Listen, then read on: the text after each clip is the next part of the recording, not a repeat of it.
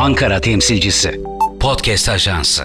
Efendim merhabalar. Ben Mahmut Aydın. Ankara temsilcisi programıyla tekrar karşınızdayım. Sizler için bugün haftanın ve 2023'ün son podcast'ini ile birlikte olacağız efendim. İçeriğimiz yine Cumhuriyet Halk Partisi ağırlıklı olacak. Kulislerde neler konuşuluyor? Aday belirleme sürecinde yaşanan sıkıntılar, belediye başkanlarının şikayetleri ve kim nereden aday olmak istiyor? Diğer bir konu ise İstanbul Büyükşehir Belediye Başkanı Ekrem İmamoğlu'nun bir televizyon programında sunucuyla yaşadığı diyalog ve bunun sosyal medya ve medyadaki etkileri. Evet, şimdi başlayalım efendim.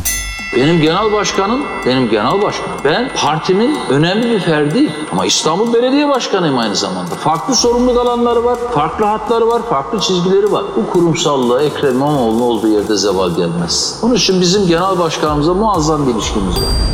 Sanem Hanım kusura bakmayın bunu ikidir tekrar ediyorsunuz. Yarın öbür gün İstanbul Belediye Başkanı ya da İstanbul Belediye Başkanı adayıyla konuşacak olan kişi o değildir. Sizin üzerinizden prim yapmaya gayret ediyor. İşine baksın, işine baksın. Yarın bir yerde cevabını verir. İşini görsün, işine baksın. Bence yanlış bir anons yaptınız onu da söyleyeyim. Yok, ben bir yayıncı e, olarak Yok yayıncı sadece- olarak değil bakın prensip olarak burada bir Zaten bakan bir oturabilir, bir başbakan o Kiptaş'ın Tabii. genel müdürü onu arayıp bir şey dese anons eder misiniz? Etmezsiniz. Doğru Ederiz. bir yayıncılık politikası Şöyle- değil. İnanın. Ben şöyle bir- eleştirimi yapıyorum. Siz belediye başkanısınız, biz de Tabii, gazeteciyiz. Gazetecilikte cevap hakkı diye bir şey var. Ben kendisini tanımam. Çıkar televizyonda anlatır zaten. Benim yanımda dememize gerek yok. Yarın ararsınız. Sanem de onu kendisi. söylüyor işte. Gelin buyurun. Bundan farklı bir şey de e, Programdan söylemedik. sonra ararsınız Sanem Hanım. Tabii.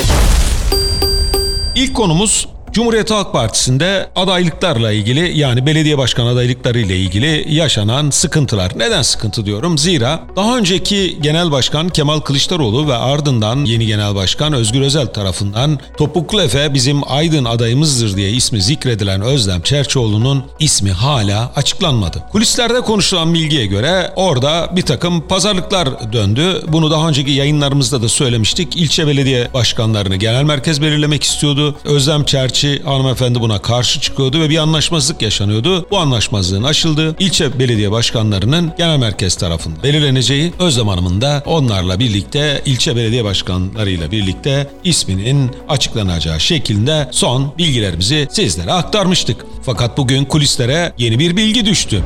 Buna göre aslında Aydın Büyükşehir Belediye Başkanlığı'nı Aydın Milletvekili Bülent Tezcan istiyordu. Uzun yıllar Kemal Kılıçdaroğlu'nun ekibinde yer alan Bülent Tezcan, kurultaydan sonra parti yönetiminde bir görev istemediğini ilk açıklayan isim olmuş. Yine Kılıçdaroğlu'yla görev yapıp daha sonra Özgür Özel'in yanında yer alan eski yöneticiler de parti yönetiminde görev almak istemediklerini belirtmişlerdi. Fakat şöyle bir durum oluyor, talihsiz bir durum diyebiliriz buna. Buradan da kendisine geçmiş olsun dileklerimizi iletelim. Bülent Tezcan bir kalp rahatsızlığı yaşadı ve bypass ameliyatı oldu. Dolayısıyla Özlem Çerçioğlu'nun İzmir'e, Bülent Tezcan'ın Aydın'a Büyükşehir Belediye Başkanı adayı olacağı şeklindeki senaryo şimdilik son bulmuş efendim. Buna bir büyük direnç de tabii İzmir'den gelmiş. İzmir milletvekilleri, İzmir il, ilçe örgütleri de Özlem Çerçioğlu'nun İzmir'den aday gösterilmesine şiddetle karşı çıkmışlar ve bu durum tabii Cumhuriyet Halk Partisi'nde de doğal olarak yönetimde gerginliklere neden olmuş efendim.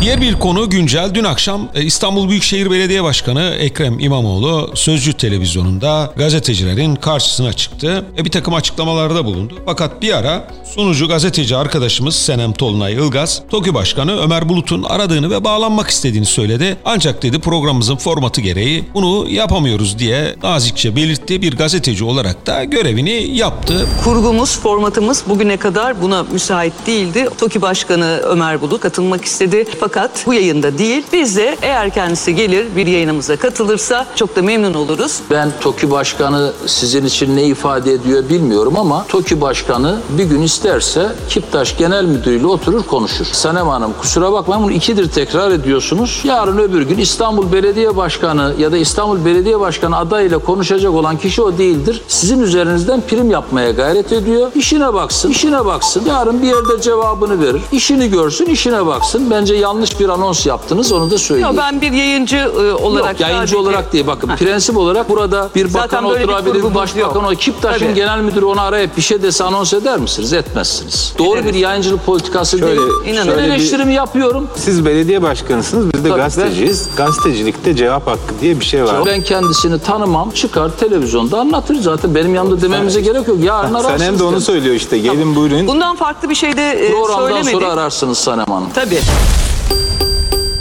Bütün gazeteciliğin temel kurallarına göre, etik kurallarına göre de bunu yapması zaten gerekiyordu. Fakat Ekrem İmamoğlu'nun TOKİ Başkanı'nı muhatap kabul etmediğini belirsi ve gazeteci arkadaşımıza yüksek perdeden sistem etmesi hem e, gazeteci örgütlerinde hem gazeteciler arasında hem de Türkiye Büyük Millet Meclisi'nde hala tatile çıkmamış olan milletvekilleri arasında büyük bir tepkiyle karşılandı. E, Bugün bir milletvekili e, WhatsApp gruplarında en çok bu konunun konuşulduğunu belirtti ve Ekrem İmamoğlu'nun uyguladığı stratejiyle yani benim muhatabım değildir TOKİ Başkanı diyerek kendisini bir üst konuma yükselttiğini ve doğal olarak siyaseten kendisine daha önce de açıkladığı gibi tek rakip olarak Cumhurbaşkanı Recep Tayyip Erdoğan'ı gösterdiğini düşünüyorlar. Tabii bu durum oldukça sıkıntılı bir hal almış bulunuyor efendim.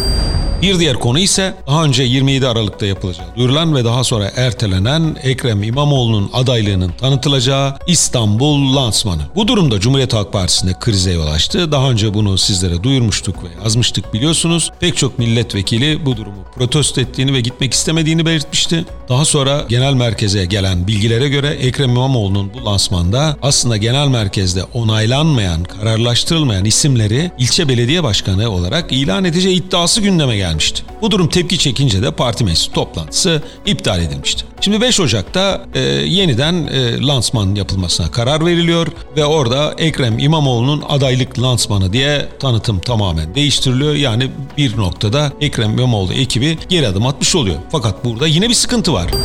Milletvekilleri, e, Cumhuriyet Halk Partisi'nde uzun yıllar görev yapan uzmanlar herkes e, şunu belirtiyor. Bu tip lansmanlarda Ekrem İmamoğlu İstanbul Büyükşehir Belediye Başkanı adaylığı olarak adayı olarak ortaya çıktığında onun yanında doğal olarak İstanbul milletvekilleri yer alır. Diğer illerin milletvekillerini İstanbul'a çağırması da yine parti üzerinde bir hakimiyet kurma göstergesi olarak algılanıyor ve Cumhuriyet Halk Partisi Genel Merkezi'nde ve örgütlerinde tepkiyle karşılanıyor.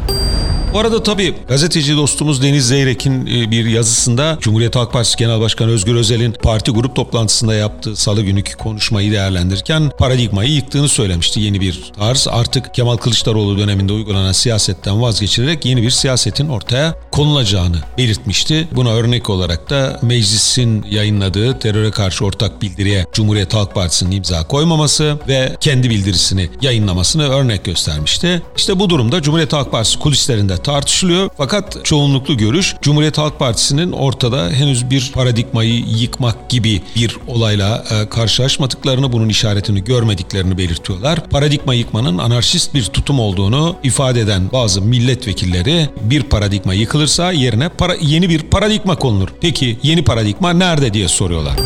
Bu arada biraz önce unuttum. Ekrem İmamoğlu ile ilgili bir başka konu daha gündeme geldi. Çok alakasız. Ne diyeceksiniz? Hemen if- ifade edelim efendim. Televizyon programında dün akşam Ekrem İmamoğlu konuşurken sosyal medyada koluna taktığı pahalı bir saat gündem oldu. Bu da tabii Sayın Ekrem İmamoğlu'nun vermek istediği mesajları başka bir mecraya taşımış oldu. Açıkçası hani değişimden, demokrasiden ve yenilikten bahseden bir belediye başkanı ve adayının böyle anılması Cumhuriyet Halk Partisi'ni ve yöneticilerini oldukça rahatsız etmiş gözüküyor. Bunu belirtmek isterim efendim. Efendim şimdilik hoşçakalın. Yeni yılınız kutlu olsun. Ankara temsilcisi. Podcast Ajansı.